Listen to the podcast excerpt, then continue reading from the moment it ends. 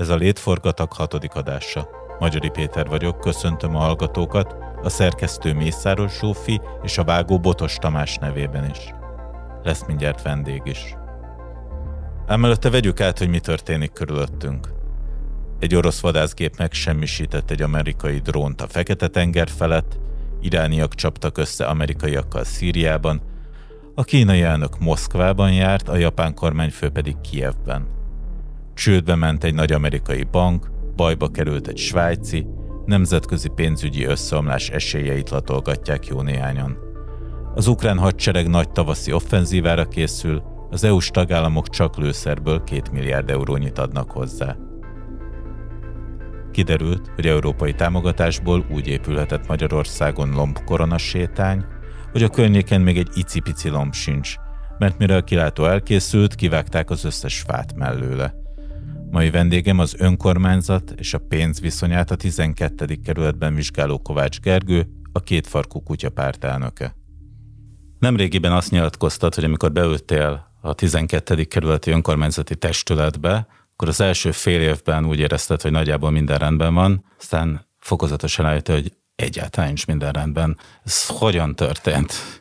Igen, hát ez valóban így volt. Én, én úgy lettem önkormányzati képviselő, hogy hát be kell valljam, nem igazán értettem az önkormányzati ügyekhez, és ami, ami mondjuk a 12. kerületi önkormányzat működéséből kívülről laikusként látszik, az akár még, akár még jónak is tűhet egy elsőre szimpatikusnak tűnő polgármesterre. Itt Pokorni Zoltánról van szó, Pokorni Zoltánról van szó, igen, és aztán hát utána elkezdtem jobban megnézegetni az önkormányzat közbeszerzéseit, a támogatási rendszert, ami, ami ott működött, az ingatlan eladásokat, vagy mondjuk az önkormányzat átláthatóságát, és akkor azért kiderült, hogy hát legalábbis ahol a nagyobb pénzek mozognak ott. Ott nincsen érdemi verseny, és szerintem mondható, hogy ez szándékos az önkormányzat részéről. Különösen igaz ez mondjuk akár a közbeszerzésekre, akár a, az ingatlan eladásokra. Még ingatlan ügyben tudsz mondani valamilyen konkrét sztorit, hogy ez hogy néz ki? Ugye az van, hogy meglehetősen alacsony áron kelnek el a 12. keleti önkormányzat ingatlanai, miközben ugye elég nagy értékben értékesít, jellemzően milliárd körüli összeg évente, de egyébként idén már 2,1 milliárdot terveznek, és hát körülbelül az esetek 80%-ában egy érvényes ajánlat érkezik. Ugye ez elsőre furcsának tűnhet, hogy hogyha olcsó, akkor miért csak egy ajánlat érkezik.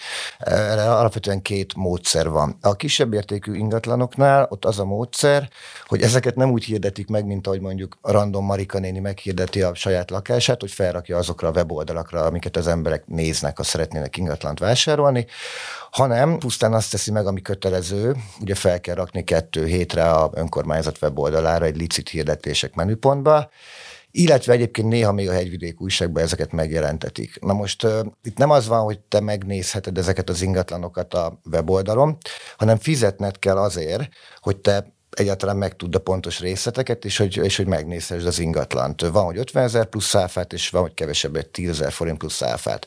Na most értelemszerűen, hogyha valaki keres mondjuk egy 50 négyzetméteres lakást mondjuk a 12. kerületbe, akkor fog találni ebből 40 darabot a ingatlan komon és a hasonló oldalakon, és értelemszerűen nem fog azért fizetni, hogy pusztán megnézhessen egy 41-et. Ezzel gyakorlatilag a vevők 99%-át sikerül kizárni. A nagyobb értékű ingatlanoknál ezt ugye nem lehet megtenni, mert az ingatlan befektető cégeknek értelemszerűen vannak erre alkalmazottaik, akiknek ez a dolga, hogy nézik a fontosabb önkormányzatoknak ezeket a weboldalait. Ezeknél azt csinálják, hogy olyan feltételes módú feltételeket raknak a, hát már magába a pályázatba, illetve később az adásvételi szerződésbe, ami egyrészt nagyon leviszi az értékét, másrészt pedig elriaszt embereket.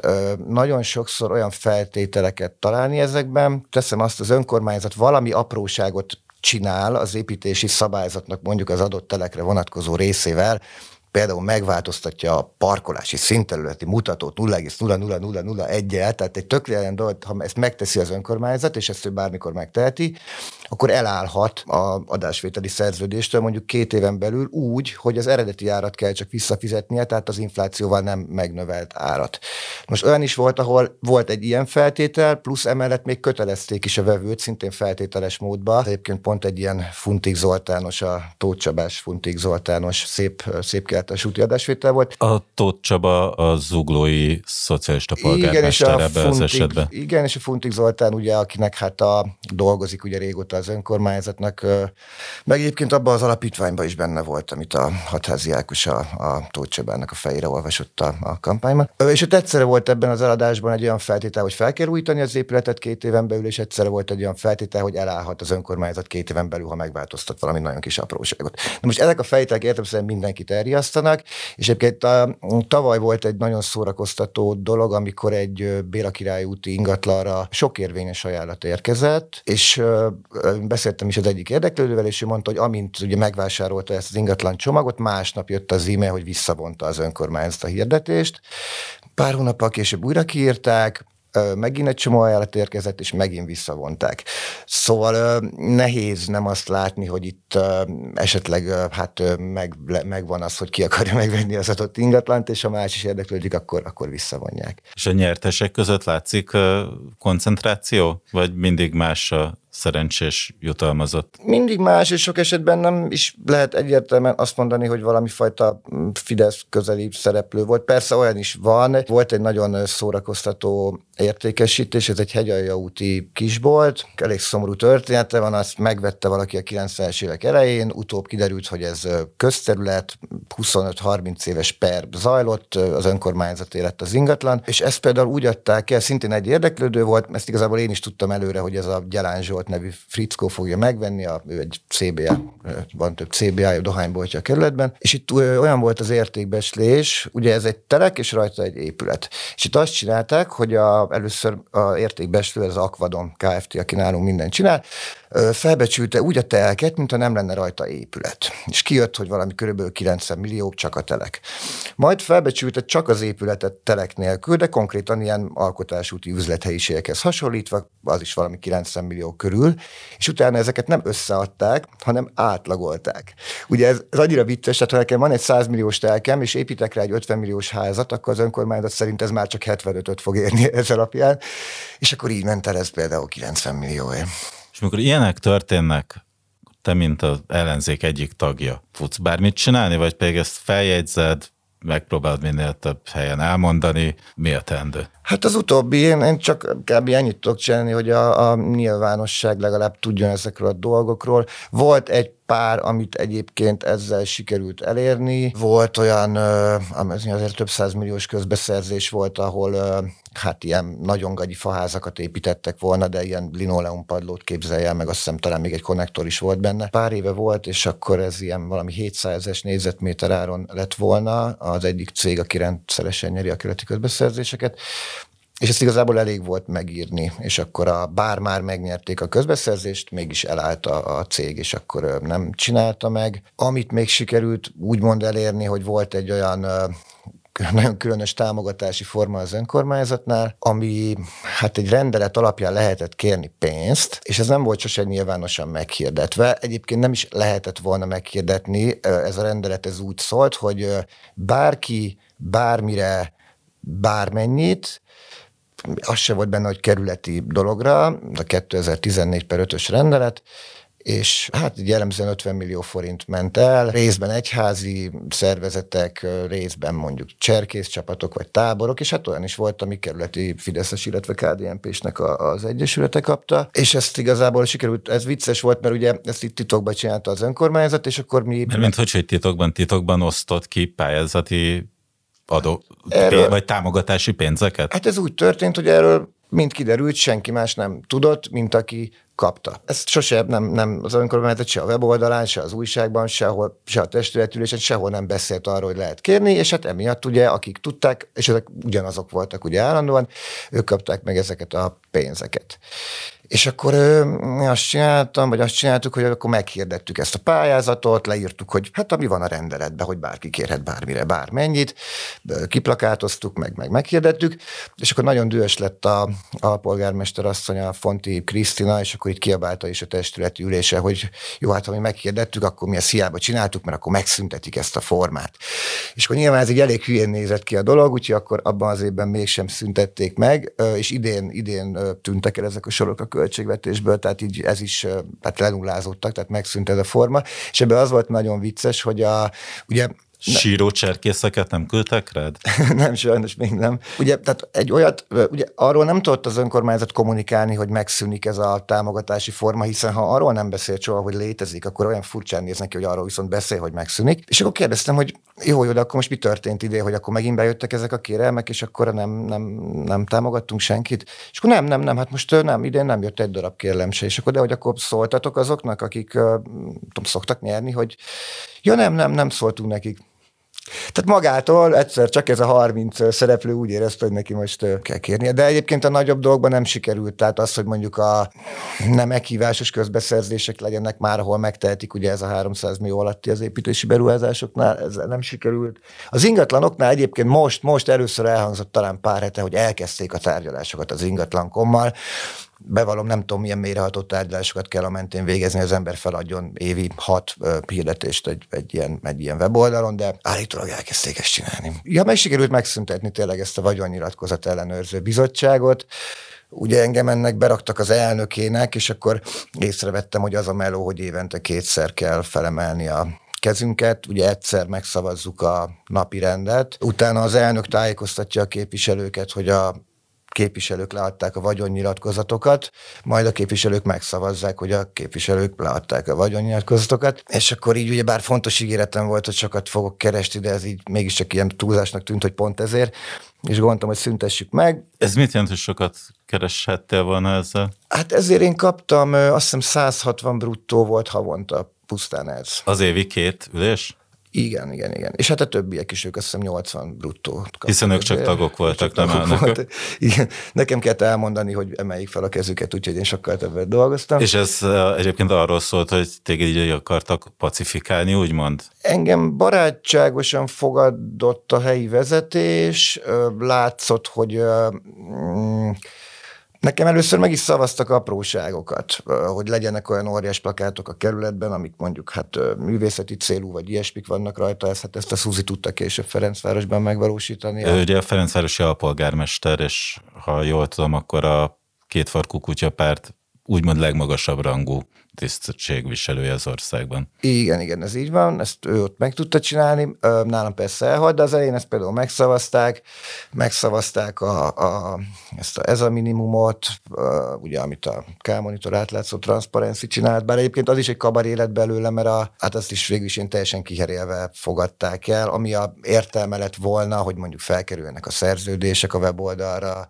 hogy mondjuk kereshetőek legyenek a testületi ülések, kerüljön fel a teljes jegyzőkönyv, ezek, ezek nyilván nem valósultak meg, viszont lett egy nagyon vicces pont benne, hogy a, hogy a, elhelyez az önkormányzat egy, az EKR-re mutató gombot a weboldalán. Ez egyébként nem valósult meg, de ezt elfogadták, szóval nagyon, nagyon vicces volt. Igen, és, hát, és, és be is raktak ebbe valóban ennek a bizottságnak az elnökének, tehát itt látszott, hogyha én így úgymond jól viselkedek, vagy nem tudom, akkor ezeket az apró pár milliós dolgokat akár meg is szavaznak, és akkor az ember csinálhatná akár, akár így is. És mi történt? Feloszlattad a bizottságodat? Igen, beadtam egy ilyen előterjesztést, akkor ezt szüntessük meg. Ugye ennek ez a feladata, hogy fel kell emelni a kezünket kétszer, ez egy kötelező feladat, ezt valamelyik bizottságnak el kell látni, és akkor gondoltuk, hogy akkor ezt a feladatot a jogi bizottság a munkájába belefér, mert nem olyan nagy meló, és akkor ezt szüntessük meg. Hát erre ugye nem nagyon tudott mit mondani az önkormányzat se. Oké, szüntessük meg, de akkor gyorsan kitalálta, aki a jogi bizottságnak az elnök, egy Péceri Attila nevű Fideszes képviselő, hogy akkor a rajtam kívüli többi négy embert, akiből három Fideszes, a negyedik pedig Vágó István, akkor DK. a, DK a volt quiz professzor. Így, igen. Hogy őket pedig akkor tegyük át, a, vagy tegy át az önkormányzat a jogi bizottságba, és akkor nekik megmaradt a fizetésük. Úgyhogy végül csak a sajátomat sikerült megszüntetni, de hát legalább, legalább ezt sikerült elérni. Nagyon szép. Bizottságokról még egy utolsó kérdésem lenne. Azt olvastam a Magyar Nemzetben a minap, hogy Gidófalvi Dénes Fideszes képviselő felszólította arra, hogy az Oktatási Bizottságban lévő tagságodról mondjál le, mert nem jársz bizottságülésre. Tényleg nem jársz-e, és lemondasz-e? Ez egyébként részben így van, szerintem kb. a fele oktatási bizottsági ülésen voltam, mondjuk valószínűleg mindenki el tudja képzelni, hogy oktatási bizottság mivel foglalkozik egy önkormányzatnál, ugye ahova hát a óvodák és a bölcsödék tartoznak így, így ma is. Valami bizottságra többet bejárok a, a tulajdonosira, mert ott, ott fontosabb dolgok vannak, ugye, ezt nem tudom, tudják-e a hallgatók, de hogy az, hogy a, egy képviselő melyik bizottságban van benne, az gyakorlatilag tök mindegy. Ezek leginkább fizetéseket jelentenek, ugyanis minden képviselőnek azt hiszem, hogy hívják, tárgyalási joga van, vagy valami hasonló minden bizottságban, tehát bemehet, hozzászólhat, nem szavazhat, de ugye ez nálunk mindegy, mert úgyis fideszes többség van mindenhol, tehát hogy én hogyan szavazok, az lényegtelen. Úgyhogy én valóban nem abba a bizottságba járok be leggyakrabban, ahova engem betettek az elején, és akkor ementél, de mondjuk az talán érdekes volt, hogy ezt mondjuk talán két héttel azután sikerült a Giófalmi Dénesnek kitalálni, ami után a, a, a, hát a kerületi öveges programról írtunk, megcsináltunk egy hosszabb videót. Ami egy EU támogatással működő oktatási intézmények természettudományos ismeretanyagának átadását támogató program, laborok, oktatási eszközök. De ezzel mi volt a baj? Igen, ez egy tök szép cél, és ez a része valószínűleg nagyon hasznos is, meg értelmes. Ebben a programban ugye az volt a gond, hogy itt akkor költetett el 90 millió forintot egy önkormányzat a valódi értelmes célra, tehát ezeknek a laboroknak a felszerelésére, hogyha még 210 millió forintot elköltött nem feltétlenül hasznos dolgokra, különféle hát, szoftverre, vagy éppen, vagy éppen ilyen egyéb tanulmányokra, kommunikációra, segédanyagokra. És itt ugye az volt a probléma, és ezt itt nagyon könnyű állítani, ugyanis a miniszterelnökség egy elég hosszú milyen belsős jelentést készített, ami egyébként a mai napig titkosítva van, de valamiért hatházi Ákos kirakta így a, a weboldalára, ahol, ők ezt, ahol ezt leírja a miniszterelnökség is nagyon részletesen, hogy itt, itt úgy úgy történtek úgymond a túlárazások, hogy sok esetben ugyanazokat a dolgokat, tehát már elkészített szoftvert, segédanyagot, stb. adták el több tucatszor ugyanazok a cégek, és hát ez már korábban is látszott, hogy ez a Fidesz oktatási hold udvarának valami elég erős köze van itt a akár Ekler Gergely, vagy, vagy Guller Zoltán neve, az rengeteg cég körül feltűnik, vagy mint korábbi tulajdonos, vagy épp akkori akár ügyvezetőként. És ugye itt az volt, hogy a Hatázi Ákos ezt így bemondta talán már egy éve a, a klubrádióba, hogy amikor ő még Szexárdon volt Fideszes képviselő, akkor megkérdezte az ottani akkori Fideszes polgármestert, hogy mi ez az egész szöveges program, mert ugye azért ez már majdnem tíz éve volt, hogy, és akkor azt mondta neki a polgármester, hogy ez a pokorninak a bulia, és akkor én kérdeztem az Ákost, hogy hogy ezt végül is akkor ti utána néztetek-e, hogy akkor mire fölmondod ezt, hogy pokoljanak a buliát, mondta, hogy ők ezt különösebben nem nézték, és akkor mi ezt néztük meg, és ugye az van, hogy hát Pokorni Zoltán, ha az ilyen gazdasági ügyeiről van szó, az ő általa vezetett intézmény gazdasági ügyeiről, de akár ez a oktatási minisztériumtól kezdve mostanáig, akkor egy, egy Béres István nevű ember, aki ezeket, hát, hogy mondjam, intézi gyakorlatilag, aki egyébként tanácsadóként dolgozik a hegyvidéki önkormányzatnál, és akkor kiderült, hogy akik a 12. kerületben nyertek cégek, ott a, hát a háromnegyedének valami elég erős köze van a, a Béres Istvánhoz, vagy úgy, hogy az ügyvezetőitől vásárolt később céget, vagy úgy, hogy a cégek székhelyi, a lakások kerültek ehhez a ez a fickóhoz. Most nyilván ebből nem lehet azt állítani, hogy most ők szervezték volna ezt az egészet, de az talán igen, hogy az ő kapcsolati hálójára szükség volt, amikor, ugye itt rengeteg cégről van szó, nyilván alapvetően nem ilyen bénák, tehát nem, nem ennyire egyértelmű, hogy közük van a, a helyi közbeszerzési nyertesekhez, de itt rengeteg cégre volt szükség, és akkor valószínűleg elő kellett kaparni mindenféle ismerősöket. Néhány perccel ezelőtt elhangzott Péceli Attila neve is, mint egy fideszes képviselő, és aki a jogi bizottság elnöke, és egyébként gyakorló ügyvéd, róla is készítettél egy videót. Igen, hát ez egy szomorú történet. Élt a kerületben egy meglehetősen gazdag, egyedül élő férfi, akinél hát egyszer csak megjelent egy bűnözőkből álló ö, csapat, akik ö, elszigetelték a külvilágtól, nem engedték, hogy a gyerekeivel találkozzon, nem engedték, hogy telefonáljon, stb. stb. És ö, amikor ez a csapat rátelepedett erre az öregre, akkor ez a csapat megkereste Péceli Attilát, hogy egy új ügyvédre lenne szüksége a, a, a, a milliárdosnak.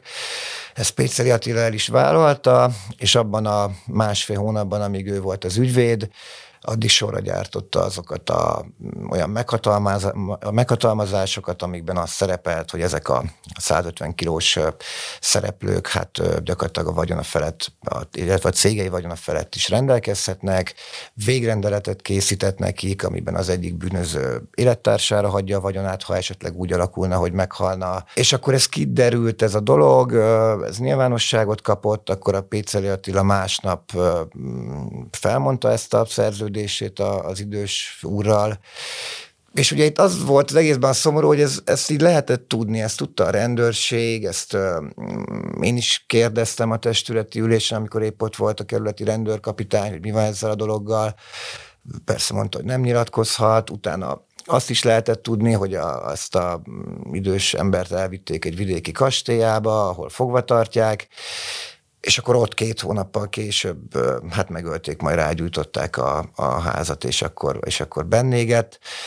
Mm, ugye most már a bűnözők nagy részét elkapták, most már egy, nem is tudom, talán 5-6 tárgyalási napon túl vagyunk a, a Pécsi ítélőtáblán, de itt Péceli Attila nem mint vádlott, hanem mint ö, sima tanúként hallgatták ki egyelőre. Mm, nehéz azért itt is megint csak azt látni, hogy ö, hogy ő nem látta, hogy mi történik ebben a házban, különös tekintettel arra, hogy a vallomásában azt mondja, hogy ő két naponta ott volt órákat ebben ezen a helyen.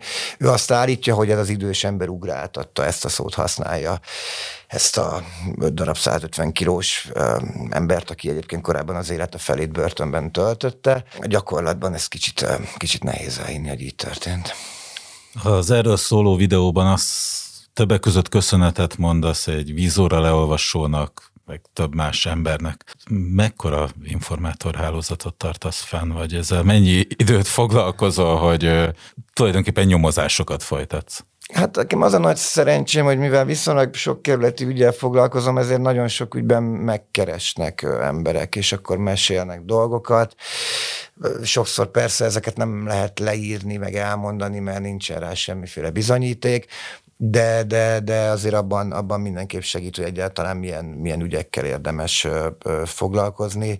Ezekből egyébként vannak tök vicces sztorik is ö, volt, hogy ö, ö, egy fazon kivágott egy csomó fát a telkén engedély nélkül, Sőt, akkor már egyszer, mint kivágta a szomszédos telken is a fákat, ami az önkormányzat tulajdona, és akkor ezt így megírtuk, és felhívott a fazon, Először kicsit dühös volt, mert én azt hiszem kicsit lefideszeztem az írásban, és ő ettől határozottan elhatárolódott, hogy ő fideszes lenne. Mindegy, dumálgattunk egy pár percet, és végül arra jutott, hogy akkor felajánlja a kutyapártnak a kivágott fát, a szociális célra, hogyha valakinek oda tudjuk adni, és akkor kerestünk is olyan szervezetet, akinek ugye ezt el, tudná, el tudná juttatni, csak közben meg a, hát a rendőrség lefoglalta ezeket a fákat, mint, mint bűn ilyen, úgyhogy egyelőre, egyelőre nem tudtuk elvinni onnan. Arról van bármilyen benyomásod, meglátásod, hogy a önkormányzat éves költségvetésének körülbelül hány százaléka szivároghat el nem hasznos célra? Mármint, hogy valakinek lehet, hogy hasznos, csak nem közérdekű célra, akkor inkább így mondanám. Hát ja, nem látom én át az egészet, és ezért ilyen százalékot nehéz mondani, például így a parkolásnál el se tudom képzelni. Amik a nagyok, a közbeszerzések, ott, ott, ott, ott szerintem azt mondom, hogy ilyen 10-20-30 százalékkal odébb vannak az árak, mint a valóság, akkor ilyen nagyot nem tévedek. Az, hogy ez mekkora összeg évente, azért az alapvetően azon múlik, hogy éppen mennyi állami forrás érkezik a kerületben, tehát a 12. kerületben fejlesztésre gyakorlatilag alig költ az önkormányzat saját forrásból, hanem ezek állami pénzek, legyen szó iskola felújításról, társasház felújításról, a normafánál zajló építkezésekről, vagy éppen a, vagy éppen a tudom, még az útépítés is a, a Szatmári Kristófféle aszfaltozzunk le minden utat Budapesten program keretében valósul meg. Ami a, ami a legfeltűnőbb ilyen pénzszivattyú, az, az az, hogy ugye van egy cég, ami, aminél nehéz más látni, mint hogy azért létezik, hogy megnyeri a 12. kerületi közbeszerzéseket. Ez az Aqua... Archibona. Archibona. Archibona Kft. Ugye ez egy olyan cég, ami bár már létezett korábban, nem volt érdemi bevétele, aztán egyszer csak felfedezte magának a 12. kerületi önkormányzat, és azóta a bevételének nagyjából 75%-a innen származik, a többi meg egyéb főként Fideszes, illetve állami közbeszerzésből, és hát az építési beruházásokat gyakorlatilag a nagyobbakat legalábbis ez a cég csinálja.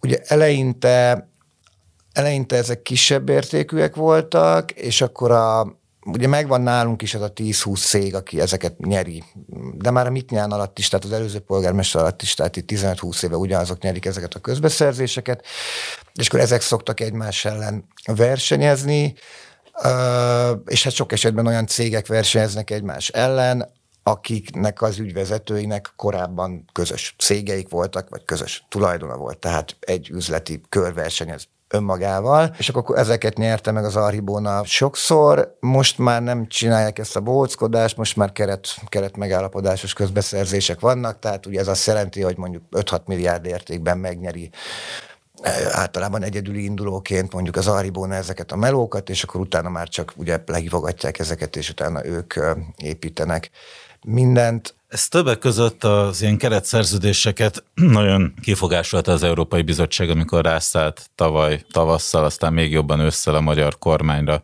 és elkezdtek mindenfélét kikényszeríteni azért, hogy az EU-s pénzek leívhatók maradjanak, és itt nem teljesen világos, hogy egyébként konkrétan mit akar a bizottság, mert nincsenek nyilvánosan előírt dolgok, de nektek erről elég komoly ajánlataitok vannak, hogy hogyan kellene átírni a közbeszerzési rendszert.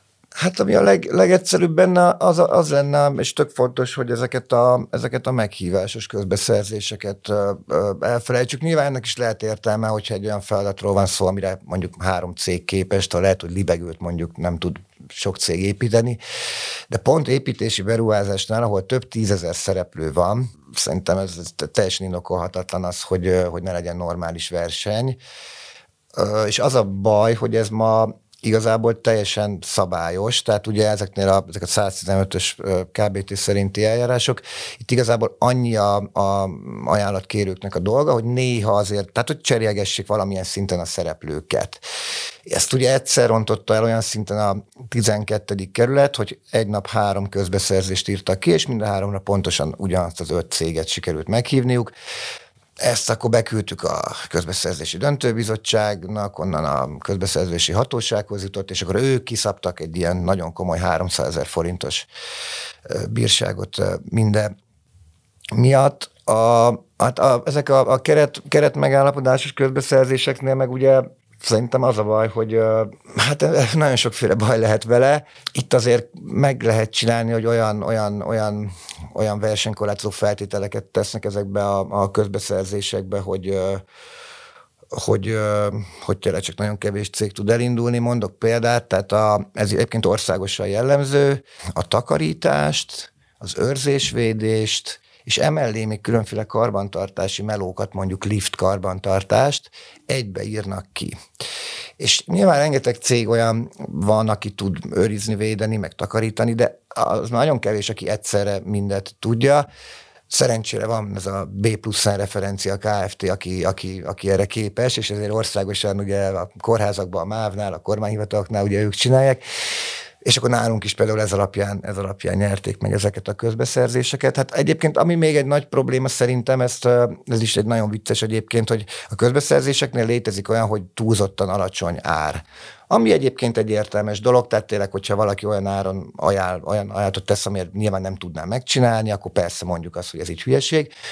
Viszont a túlzottan magas ár, mint fogalom, az nem létezik és ugye azért nem is létezhet, mert igazából nincs egy olyan, olyan, olyan referencia ár a legtöbb esetben. Van, ahol van egyébként, tehát pont, a, pont az őrző, őrzővédő szolgáltatásoknál van, de a legtöbbnél nincs egy olyan, hogy, hogy azt valami hatóság azt mondja, hogy mit tudom én, 800 ezer forintért szoktunk építeni egy négyzetméter új építésű valamit, és ha ez háromszoros az ár, akkor ez nem oké. Okay.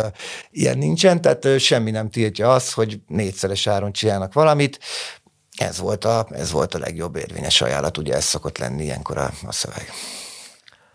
Gyanús dolgok feldolgozásában mennyire érzed magad magányosnak az önkormányzatban? Van egy ellenzéki blokk, akikkel fel lehet osztani a feladatokat, és akkor minél több dolgot megnézni, vagy ez egy vámensó?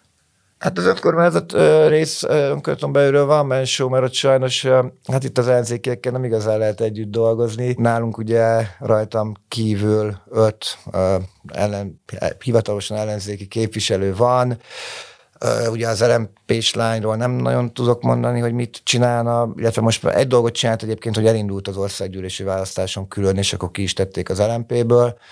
A, van egy idős szocialista bácsi, a Vince Géza, néha így kiabálgat a üléseken, hogy leginkább arról, hogy csökkentsék az én fizetésemet. Ugye a Vince Géza bácsi igazából egyszer jelent meg a, a érdemben a magyar politika történetében. Volt ez az elhíresült bajai szavazatvásárlós videó, amiről kiderült, hogy hamis volt, és akkor bele is bukott a akkori főszerkesztő a Gavra Gábor, illetve még többen a HVG-nél. És ez a videó az MSP sport tagozatán keresztül jutott el az újsághoz, aminek a létét egyébként akkor tagadták, viszont volt egy weboldala, ebből kiderült, hogy létezik a szervezet, és a Vince Géza bácsi vezette akkor ezt a, ezt a csapatot. A DK-ból ugye hát élő Norbertünk volt, azóta elment a fővároshoz, illetve hát Vágó Istvánunk van, aki egyébként egy tényleg végtelenül okos és értelmes és művelt ember, de nem biztos, hogy ez a képviselőség annyira neki való, mert nem feltétlenül látni, hogy mit csinál. A, hát a Momentumot hajnal Miki jelentette nálunk, aki szintén nehéz róla mit mondani. Aki jött egyébként helyette a Vadász Gábor, a Momentumos, ő, ő azért legalább próbál, próbál valamit, valamit dolgozni.